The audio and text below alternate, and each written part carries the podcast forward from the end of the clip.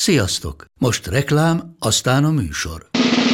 A műsor, valamint az élményekkel teli utazások, személyre szabott ajánlatok és állandó kedvezmények támogatója a Molmove hűségprogram. Nyisd meg a Molmove appot, a profilodba belépve add meg a Pogi promóciós kódot, és tankolj Molevo és Evo Plus üzemanyagjainkból 15 forint per liter kedvezménnyel. Ne feledd, a Pogi promókóddal most még jobban megéri Molmove tagnak lenni. Vége a reklámnak, jön a műsor.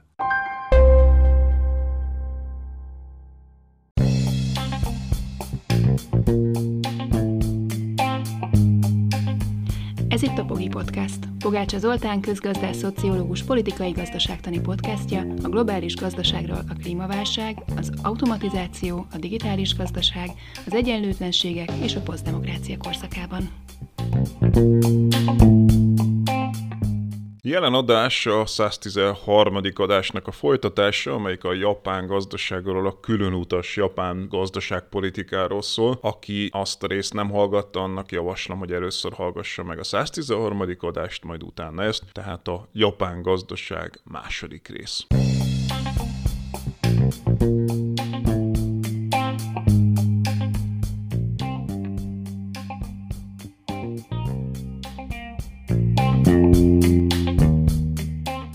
Japánnal foglalkoztunk, és hát ugye nem fejeztük be, és azért folytatjuk most, mert nagyon nagy a téma, és jól ki kell csomagolni ahhoz, hogy, hogy értető legyen, hogy, hogy mi az, ami, ami nem stimmel.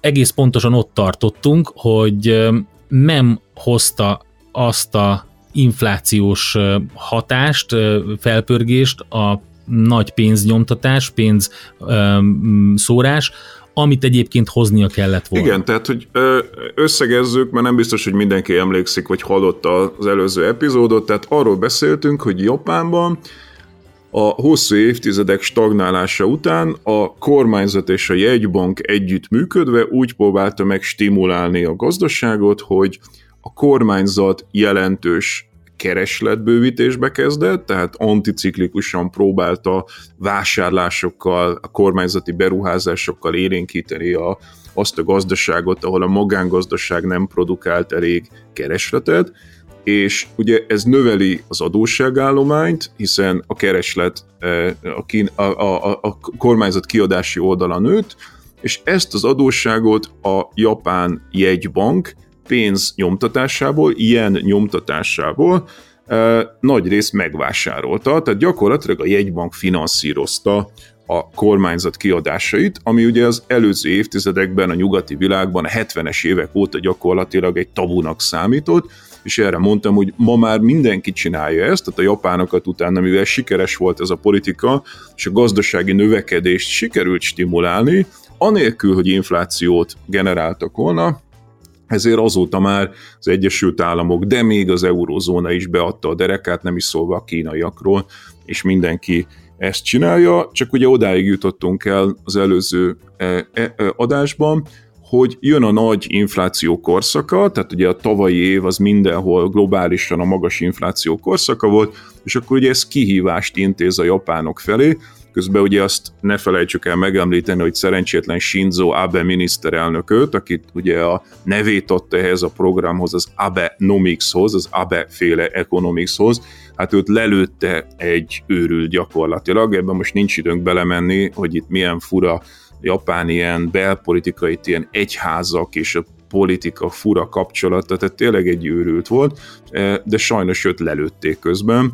E, de a politika ment tovább, vitte tovább a, a jegybank és a kormányzat, de ugye jött a magas infláció időszaka, ahol mindenhol a világon a jegybankok erre ugye az ortodox neoklasszikus közgazdaságtan tanításai szerint azzal reagáltak, hogy fölemelték a kamatszintet, ugye a kamatszint megemelésének az a logikája, hogy akkor nehezebben jutnak a vállalatok hitelhez, akkor csökkennek a beruházások, nehezebben jutnak az emberek fogyasztói hitelhez, csökken a fogyasztás, és akkor ez valahogy az inflációt, hát ugye ahogy a rongyból kicsavarjuk a vizet, gyakorlatilag ki tudjuk az inflációt csavarni a gazdaságból, ez lenne a logikája ezeknek a beavatkozásoknak világszerte, hogy ez működik vagy nem, az egy másik kérdés, és szükséges-e vagy nem, az egy másik kérdés, amit majd egyszer megbeszélhetünk külön, de hogy a japánok meg azt mondták, hogy mi ezt nem csináljuk, tehát nem hajlandók továbbra sem kamatot emelni, a japán jegybank továbbra sem emelte a kamatot, és nem állt le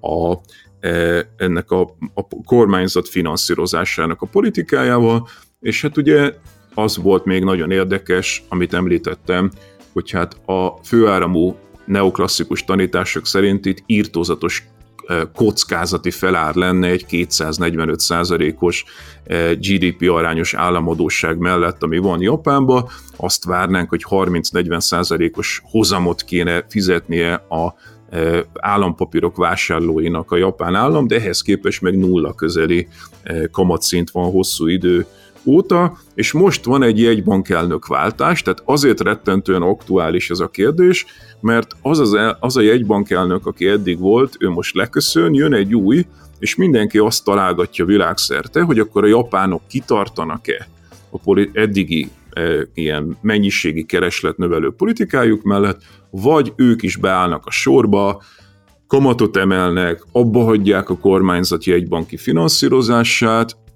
vagy mi fog történni. Sajátos pogácsa. Gazdaság, társadalom, könyv és tanulmányajánló Pogácsa Zoltánnal és Kántor Endrével.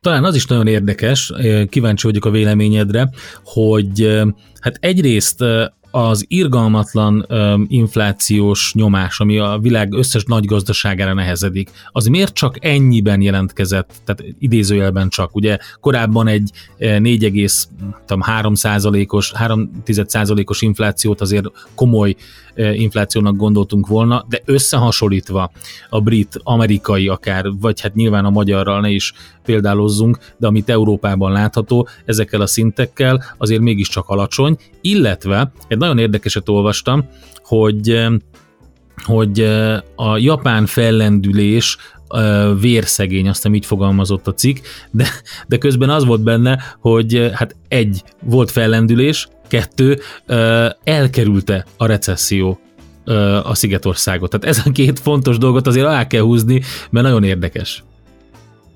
Én szerintem ez nem volt vérszegény. Tehát ha az ember megnézi ilyen grafikonokat arról, hogy Japán hol volt GDP-ben a többi országhoz képest, akkor ugye olyas valamit látunk, hogy a második világháborútól a 70-es évekig, 80-as évekig egy ilyen brutális fölzárkózás, sőt meg is előz csomó nyugati országot, utána jönnek a stagnálási évtizedei, tehát a 90-es évek, 2000-es években gyakorlatilag lapos a japán vonal, a többiek mennek tovább fölfelé, és akkor amikor elkezdődik ez az Abenomics, akkor a japánok megint elkezdenek növekedni, és, szerintem elég impresszív eredményei voltak növekedésben. Mondom, az elosztási hatás azok sokkal rosszabbak, tehát mondjuk a japánok bérei ettől nem emelkedtek, mert hogy ennek a nagy részét a japán cégek tették zsebre profit formájában, de önmagában az, hogy stimulálni sikerült a gazdasági növekedést, azt szerintem elmondható erről az időszakról. Nem véletlen, hogy Shinzo Abe-t újra választották, sikeres politikus volt a halála előtt. E, nem véletlen, hogy más nagy gazdasági blokkok is elkezdtek kereslet, e, e, tehát mennyiségi könnyítésbe, ugye ezek közül a leghíresebb eset az eurozóna, amikor Mário Draghi egybankelnök hosszú-hosszú évek vitája után, amikor óriási tiltakozás volt, hogy a frankfurti Európai Központi Banknak nem lehet feladata a pénz mennyiség bővítése, aztán beadja a derekát, és azt mondja, hogy whatever it takes, bármit megtesz teszünk, hogy megvédjük az eurót, és aztán ugye a Covid alatt meg tényleg látványosan minden jegybank eh, a, a japán utat járta, szóval, hogy a, a japán út sikeres volt, az, az, az, az, az is mutatja, hogy mások is követték. Eh, a kérdés az inkább az, hogy hogyan reagálunk az inflációra, és ez egy nagyon fontos kérdés, amit feltettél, hogy miért nincs Japánban még mindig igazán infláció. Tehát évtizedeken keresztül arra vártak, hogy a kicsit deflatorikus japán helyzetből legyen valamekkora infláció, és ugye amit most számokat mondanak, hát az a baj, hogy az inflációnak is ezerféle mérőszáma van, de egy ilyen 3% körüli infláció van most Japánban. Na most ennek ugye még akár örülhetnének is, mert hosszú évek óta ez volt a céljuk, hogy a deflációból valami enyhe infláció legyen, és azért 3% az nem a világ vége, tehát ugye itt ülünk Magyarországon, ahol 25% körüli infláció van, és hát ugye a nyugati világ nagy részében is azért, ha mondjuk az eurozónát nézzük, akkor olyan 5-6 százalék alatt senki nem úszta meg, talán a spanyoloknál volt ennyi, és hát ugye a, a, a balti államokban is simán volt 20 százalék fölötti infláció, és e között szóródnak mondjuk az európai adatok, de hát az amerikai adatok is sokkal magasabbak ennél, tehát már hogy a japánnál, tehát hogy igazából ezzel a 3 kal a, a japánok még azt is mondhatnák, hogy alapvetően nagy baj nincsen. Ugye azt kérdezted, hogy miért csak ennyi, és ez egy nagyon nehéz kérdés. Tehát a, amit olvasok erről, amit hallgatok erről, nincs igazán konszenzus, hogy miért nem. Talán-talán az a magyarázat, hogy a japánok iszonyatosan konzervatívak a költésükben. Egyrészt konzervatívak a gondolkodásukban, a költésükben is, ráadásul ez a több évtizedes deflációs időszak, ez arra tanította meg őket, ebbe generációk belenőttek, hogy a pénz nem, nem, tehát nem kell túladni rajta gyorsan, mert nem veszít az értékéből, és nincs, nincs hova rohanni. Ez is benne van, hogyha deflációhoz vagy szokva, akkor nincs hova rohanni. Az is benne van, hogy a 90-es években ugye volt az az összeomlás, az a tőzsdei és ingatlan buborék összeomlás, amiről beszéltünk az első részben, ami azért generációknak megtanította, hogy tartalékolni kell, félre kell tenni, mert lehet egy összeomlás, szerintem ez egy nagy sok volt a japánoknak. Az is benne van, hogy írtózatosan drága Japán, tehát ha lakást akar venni valaki, vagy csak meg akar élni egy Tokióban vagy Oszakában, akkor brutális megtakarításokra van szüksége. Nem igazán kialakult a, a jóléti rendszer, tehát szemben a nyugati jóléti államokkal azért Japánban nem túlságosan bőkező a jóléti állam, tehát igazából félre kell tegyél, hogyha öregkorodra E, valami szint, valamilyen jó szintű megélhetést akarsz. Szóval sok összetevője van ennek, meg tényleg egyszerűen a japánokban van egy ilyen konzervatív meg fontolás is, ugye mindenki ismeri a minimalizmusnak a lakás belső programját, ahol a japánok egy nagy része azt mondja, hogy én nem fogom kacatokkal telerakni a lakásomat, van egy, egy, egy matracom, egy valahova rakom a cuccaimat, de, de, de nem veszek felesleges dolgokat. Szerintem, Érdekes párhuzamot vélek felfedezni itt a skandináv minimalizmussal. Egyébként, aki építészettel, belső építészettel foglalkozik, ott is megvan ez, sőt van ez a fúzió, fúziós dolog, ami a skandinávból és a japánból is Persze. kölcsönöz igen, van egy nem ilyen... akarom azt mondani, hogy ezt mindenki csinálja, tehát nyilván a japán társadalomnak egy szegmense él így, de maga az, hogy ez a gondolat Japánból jön, és az, hogy dobált ki a felesleges kacatokat, ez azt mutatja, hogy van egy nagy része a japán társadalomnak, akik tudatosan nem vásárol többet, de a bérek is alacsonyak maradtak, tehát mondom, az Abenomicsnak az is egy hatása volt, hogy a gazdasági növekedés ellenére nem nőttek jelentősen a béreik, tehát nem érezték azt, hogy most kell költeni, mert most brutálisan gazdagszok. Úgyhogy ennek a sok dolognak az együttjárója az, hogy Japánban alacsony maradt az infláció. Én kifejezetten kimerném mondani, hogy egy 3% körüli infláció a mai világban kifejezetten alacsonynak mondható. Tehát semmi baj nincsen. Ugye még egy dolgot szoktak mondani, hogy leértékelődött a yen, tehát hogy még egy hatása tud lenni a dolognak, ha nem emelem a kamatokat, más jegybankok emelnek, akkor az ugye vonzóbbá teszi mondjuk a dollárt, az eurót, és ehhez képest leértékelődik a jen. És akkor azt szokták mondani, hogy na annak kéne rászorítani a most akkor a japánokat egy váltásra, hogy lám-lám, hogy leértékelődik a jen. Na de akkor mi van? Tehát ugye a kérdés az az, hogy miért olyan nagy baj a ilyen leértékelődése? Mert ugye beszéltünk az első részben arról, hogy hát a leértékelődés az az exportőröknek jó. Tehát a japán exportot kifejezetten segíti, hogyha gyengébb a jen. A másik oldalon az importot drágítja, azt lehetne mondani, hogy az a drámai nagy hatás, hogy akkor az importtermékek megdrágulnak Japánba, na de most mondtuk, hogy 3%-os infláció van. Tehát, hogyha ilyen gyengülés ellenére is csak 3% az infláció, egyébként meg az exportőröket segíti a ilyen gyengülése, akkor sem, megint csak semmi dráma nincsen. Tehát alacsony a kamatot, ez jó, hozzá lehet jutni tőkéhez, ha be akarsz ruházni. Alacsony az inflációd, az ilyen gyengülése segíti az exportodat, közben növekedés van, nem látom a problémát, tehát nem látom, hogy mi lenne az, ami miatt olyan nagyon-nagyon váltásra kényszerülnének a japánok. Innen folytatjuk a beszélgetést Japánról és a japán gazdaságpolitikáról, azon keresztül pedig próbálunk rávilágítani arra, hogy milyen hiányosságai vagy kérdései vannak a globális gazdasági gondolkodásnak, ami irányadó most. Ha hozzá szeretnétek szólni, vagy vitatkozni azzal, ami elhangzott, akkor azt megtehetitek a Pogi Podcast Facebook oldalán, és minden hozzászólást szeretettel várunk. Arról szól ez az egész műsor, hogy vitát generáljunk, egy értelmes párbeszédet arról, hogy mi és miért történik így a világban. Sajátos pogácsa. Gazdaság, társadalom, könyv és tanulmányajánló Pogácsa Zoltánnal és Kántor Endrével. Folytatjuk tehát beszélgetésünket, még mindig Japánt vizsgáljuk, mint, mint esettanulmányt, hogy mi történt most a nagy válságok után, ingatlanpiaci válság, Covid, illetve a Covidot követő recessziós és inflációs időszak, és hogy egyáltalán mit mutat a Szigetország sajátos gazdaságpolitikája, illetve hogy ők hogy lábalnak ki a válságból. Nekem az jutott eszembe arról, amit mondtál korábban, hogy lehetséges, hogy nem csak egy, egy japán mentalitás kell ahhoz, hogy ez működni tudjon, hanem egy olyan szintre, lehet, hogy csúnyán fogalmazok, de egy ilyen üveghangra pörgetett gazdasági helyzet is kell hozzá, mert ugyanezeket a módszereket lehet, hogy nem tudnánk alkalmazni Romániában, Magyarországon, de még az is lehet, hogy még Németországban sem. Igen, tehát ez szokott lenni egy tipikus érvelés, amikor ugye a főáramú neoklasszikus közgazdaságtan nem tud mit kezdeni azzal, hogy Japán ellentmond mindennek, amit mond, akkor ilyen végső mencsvárként bedobják azt a mentővet saját maguk számára, hogy hát de Japán az, távol van, a japán emberek azok olyan feldeszeműek, és sushi tesznek, és az egy más kultúra, és itt nem lehet, mert a, a kultúra az, az olyan nagyon más, és akkor beleúranak ebbe a mentővbe. Szerintem ez... Ami egyébként nem Japán, tehát a sushi.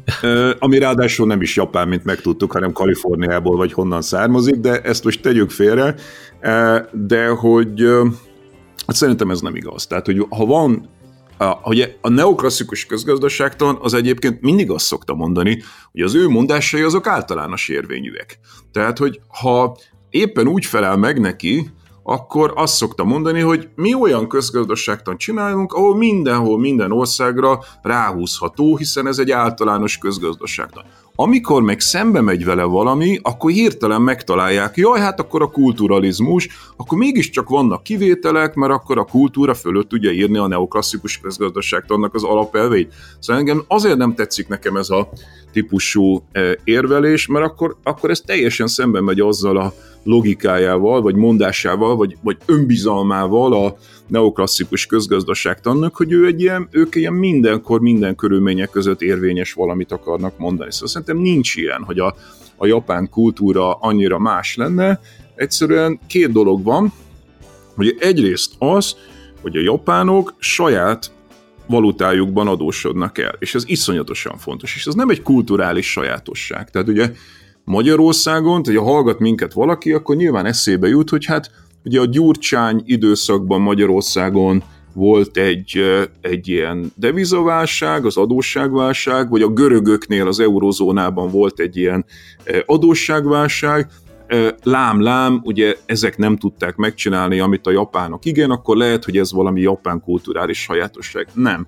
Az a különbség, ez egy egyszerű közgazdasági tény, de a Gyurcsány időszakban Magyarország nem csak, hogy a háztartásoknak a devizaadóságát növelte, tehát ugye ez a híres svájci frankos deviza, lakossági devizahiteles sztori, de azt kevesebben tudják, hogy az állam is devizában kezdett el adósodni.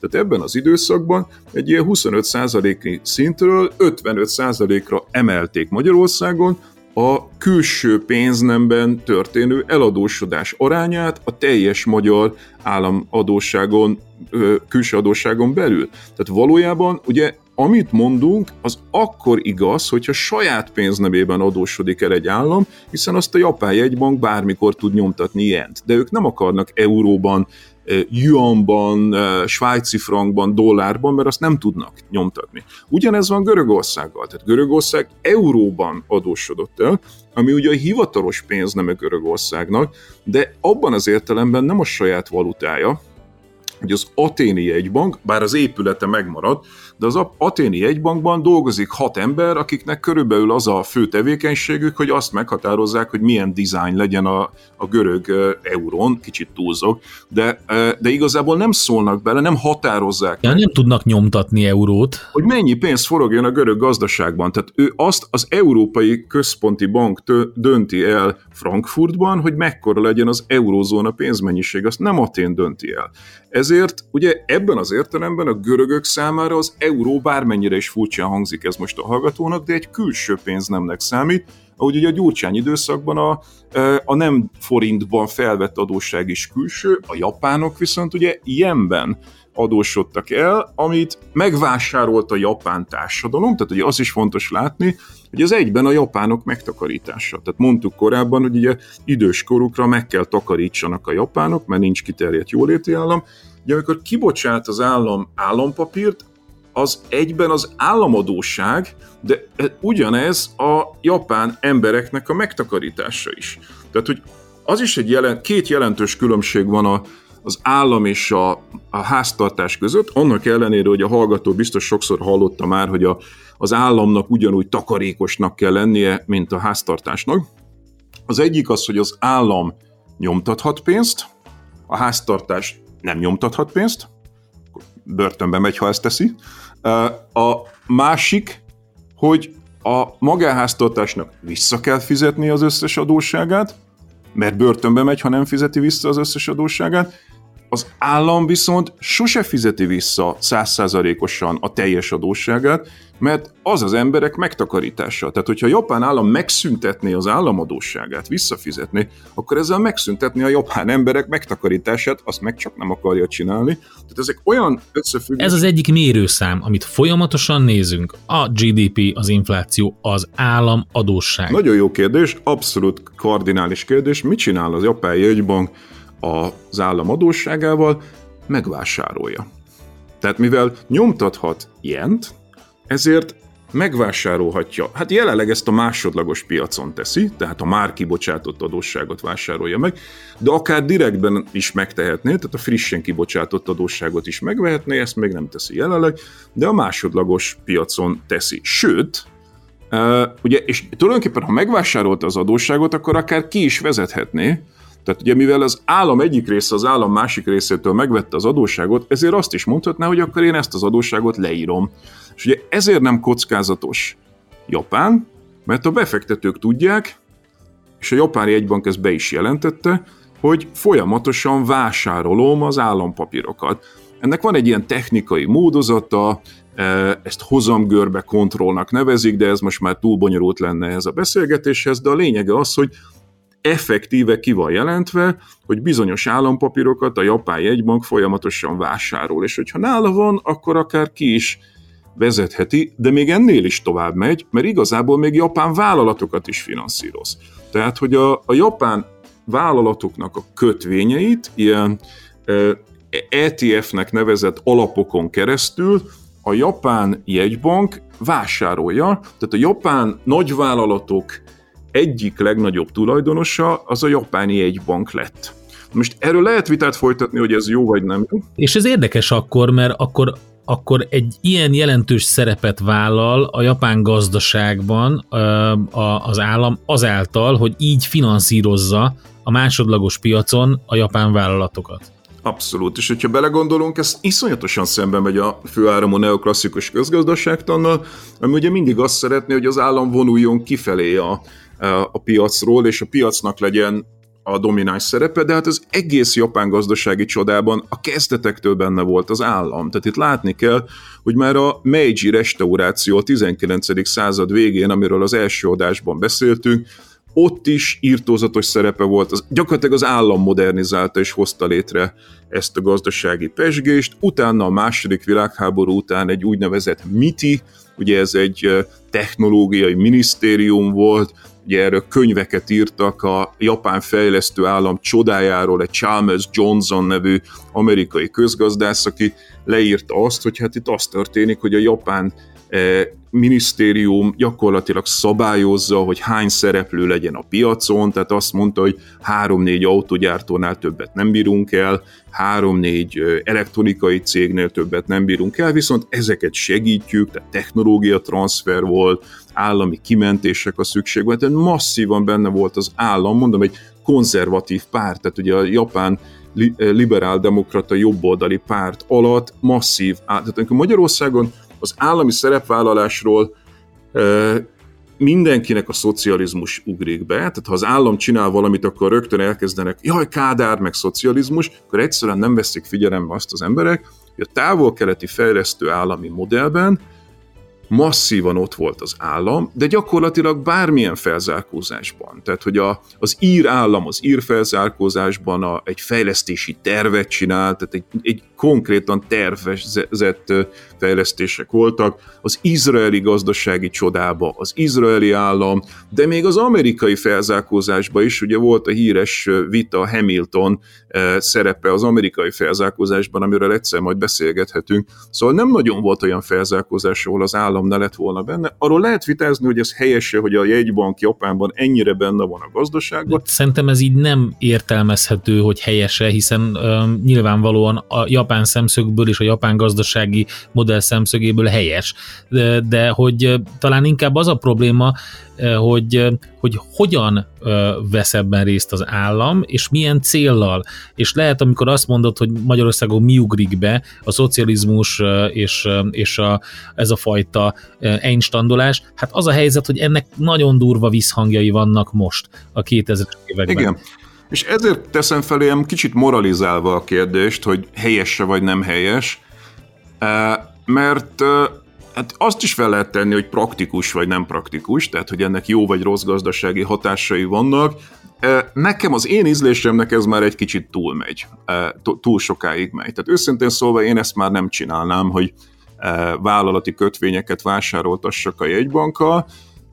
Valahol megértem, hogy ezt a japánok csinálják és elfogadják, de igen, tehát én nagyon tartanék attól, hogy ez már így a haveri kapitalizmusnak a világába visz át minket, és hát ez masszívan van Japánban is. Tehát ugye amikor azt mondjuk, hogy a mai Magyarországon mondjuk a, a, az Exim Bank meg állami forrásokból finanszíroznak kormányhoz közeli vállalatokat, és nem biztos, hogy az annyira jó a hatékonyság szempontjából, vagy a piaci verseny szempontjából, ne legyen illúziónk, ez Japánban is van. Tehát ugye van egy kifejezés, úgy hívják, hogy dangao, ez egy japán kifejezés konkrétan arra, amikor mondjuk állami közbeszerzéseket három cég úgy nyer meg, hogy egyszer az A cég nyer, és B, C, B és C cégek adnak egy magasabb ajánlatot, utána B cég nyer, és A és C cégek adnak egy magasabb ajánlatot, a harmadik alkalommal meg C cég nyer, és A és B cégek adnak egy magasabb ajánlatot, Nálunk erre nincs egy igazán jó szó, de a japánoknál sok-sok évtizede erre van egy szó, a dangao. Bocsát, azt akartam mondani, hogy ez kulturális Japánban. Tehát én egész végig, amióta beszélgetünk, és te a második világháború, tehát visszautaltál egy kicsit a második világháború előtti korszakra is, de azért a második, alapvetően a második világháborútól néztük ezt, de hogyha, hogyha jobban belegondolunk, akkor itt a shogunátus felszámolása utáni időszak, amikor lényegében importálták a technikai és pénzügyi tudást az Egyesült Államokból, főleg, akkor azóta az történt, hogy történt egy, egy látszólagos iparosodás, illetve nem, nem, tehát történt egy iparosodás és egy látszólagos hatalomátvétel, de valójában ugyanazok a konzervatív eszmék, és ugyanazok a, a mm, hierarchiák megmaradtak, és éppen ezért ugye látjuk azt a, hát ez az urambátyám jellegű, nepotizmus jellegű, picit így a, ebbe a jakuzás vonalba belecsúszós valami, ez még mindig él létezik. Na, ez nagyon-nagyon fontos, amit mondasz. Nagyon-nagyon fontos, amit mondasz. Ugye a jakuzáról nem biztos, hogy mindenki tudja, hogy micsoda, az ugye a japán maffia. És hát ugye amikor azt mondtam, hogy a liberális demokrata nevű jobboldali párt volt hatalmon 93-ig, hát nem kis részben azért buktak meg utána, mert masszívan együttműködtek a maffiával. Tehát, hogyha valaki azt gondolja, hogy a japán gazdaság sikerének az a titka, hogy itt egy ilyen szuper tiszta gazdaság lenne, nem. A, a, a maffia és a politika között volt átfedés, és ugye most például a hírek tele vannak azzal, hogy a tokiói olimpia körül masszív korrupció volt. Tehát szó sincs arról, hogy a, a japán gazdaság valami korrupciómentes tisztasággal lett volna ilyen sikeres. Tehát amikor ugye vannak, akik azt mondják, megint csak főáramú neoklasszikusok, hogy először tessék megszüntetni a korrupciót, és utána lesz majd gazdasági fejlődés, azt szerintem a Godóra várásnak az esete. Tehát ezekben az országokban sehol nem az történt, hogy először megszűnt a korrupció. Koreában a Samsung család minden generációja ült már börtönben korrupcióért. Kínában masszív korrupció van, és mégis megy a gazdaság. Tehát a távol-kelet az pont arra példa, hogy elég magas szintű korrupció mellett is lehetséges magas gazdasági növekedés produkálni, mert közben van teljesítmény. Tehát szerintem az a lényegi különbség, hogy az állam persze segíti a magángazdaságot, de közben viszont van egy írtózatos elvárás, hogy ezek legyenek versenyképes, technológiailag fejlődő cégek. Tehát amikor azt mondod az előbb, hogy ugye Amerikában importáltak technológiát, a múltkor hallgattam egy előadást az japán óragyártás történetéről, és ott ugye az volt, hogy először, hát régen milyen órák voltak, volt zsebóra, meg kakukos óra. És ugye csináltak egy céget a japánok a 19. század végén, ahol importálták a kakukos órát meg a zsebórát, majd utána rájöttek, hogy hát kakukos órát nem olyan nehéz csinálni, akkor azt ők is csinálnak. Egy idő után rájöttek, hogy akkor zsebórát is tudnak csinálni, akkor azt is csináltak, és aztán utána ugye jött a kvarc forradalom, és a 80-as években ebből lett a Seiko. Ugye egy időben mindenkinek Seiko órája volt, ma már nem biztos, hogy emlékeznek erre az emberek, de a svájci óragyártás, svájci-amerikai duopólium volt gyakorlatilag a világban óragyártásban, és a japánok betörtek, és a világot elárasztották az elektronikus kvarc óráikkal. Tehát azt akarom itt hangsúlyozni, hogy van teljesítmény hozzá. Tehát lehet azt mondani, hogy itt összefonódás van az állam és a magángazdaság között? Van. Még korrupció is van. Mondom, még a maffiával is van összejátszás, de közben magas technológiájú, magas növekedésű, exportképes, jól ismert termékek vannak, tehát olyan brendek, amit azt mondom valakinek, hogy Toyota vagy Panasonic, ezekre mind Seiko, Sony, ezekre mindenki emlékszik, ismeri őket. Na ez az, amit szerintem a kelet-európai térség még nem tudott produkálni, hogy uh, ilyen saját, eleve saját cégeink nincsenek. Tehát szerintem ott van egy modellkülönbség, hogy a japánok saját cégekkel versenyeztek. Nem az volt, hogy idehozzuk az Audit, a BMW-t és a Mercedes-t, és akkor nekik termelünk, hanem nekik lettek saját autócégeik. Ez egy nagy bátorság kell, hogy a semmiből létrehoz egy Toyotát, egy Hyundai-t, egy, egy Daewoo-t Koreában, egy, egy bidet a Kínában, tehát ennek a térségnek saját autógyártása van, és ezt a japánok kezdték először.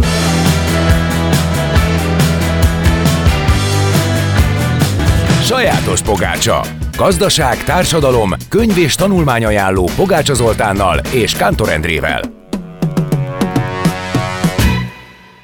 Akkor a végére érve, és nyilván lehet még ezer aspektusát vizsgálni a japán gazdaságnak, de azt kérném tőled, hogy ajánlj egy pár könyvet, már elhangzott egy pár könyv ebben is, ebben a két részben, amit így útközben mondtál, de ajánlj egy pár tanulmányt vagy könyvet, ami, ami a japán gazdasággal, vagy ezzel a, az érdekes modellel kapcsolatos, hogy utána tudjanak nézni hallgatók.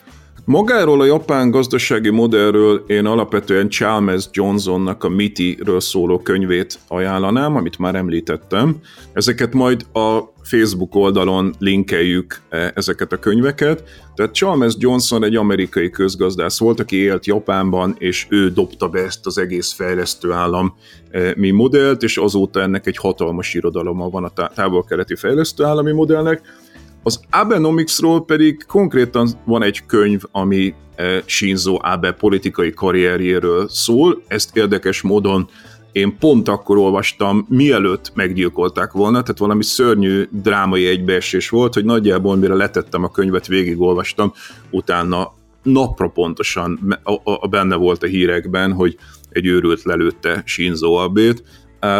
Ez a könyv végigviszi a politikai karrierjét is, tehát azt is végigviszi, hogy a nacionalizmus szításával hogyan lett ő e, egy nagy politikus, és pontosan az van benne egyébként, amit te mondtál, hogy ezek konzervatív japán körök, ezek sok évtizedes kontinuitást mutatnak, tehát az ő családja és a feleségének és családja is effektíve benne volt a második világháború japán politikai elitjébe, tehát ezek ilyen sok generációs e, jobboldali e, politikus családok, de benne van egy csomó minden erről az Abenomicsról is, tehát hogy milyen eh, harcok útján eh, jött létre az Abenomics, milyen sikerei voltak, hogyan lehetett elfogadtatni, stb. Tehát én ezt a két könyvet ajánlanám, aztán még rengeteg tanulmány is van, ezeket majd akkor linkeljük a Facebookon, a, eh, a, a, amikor a podcast ott megjelenik.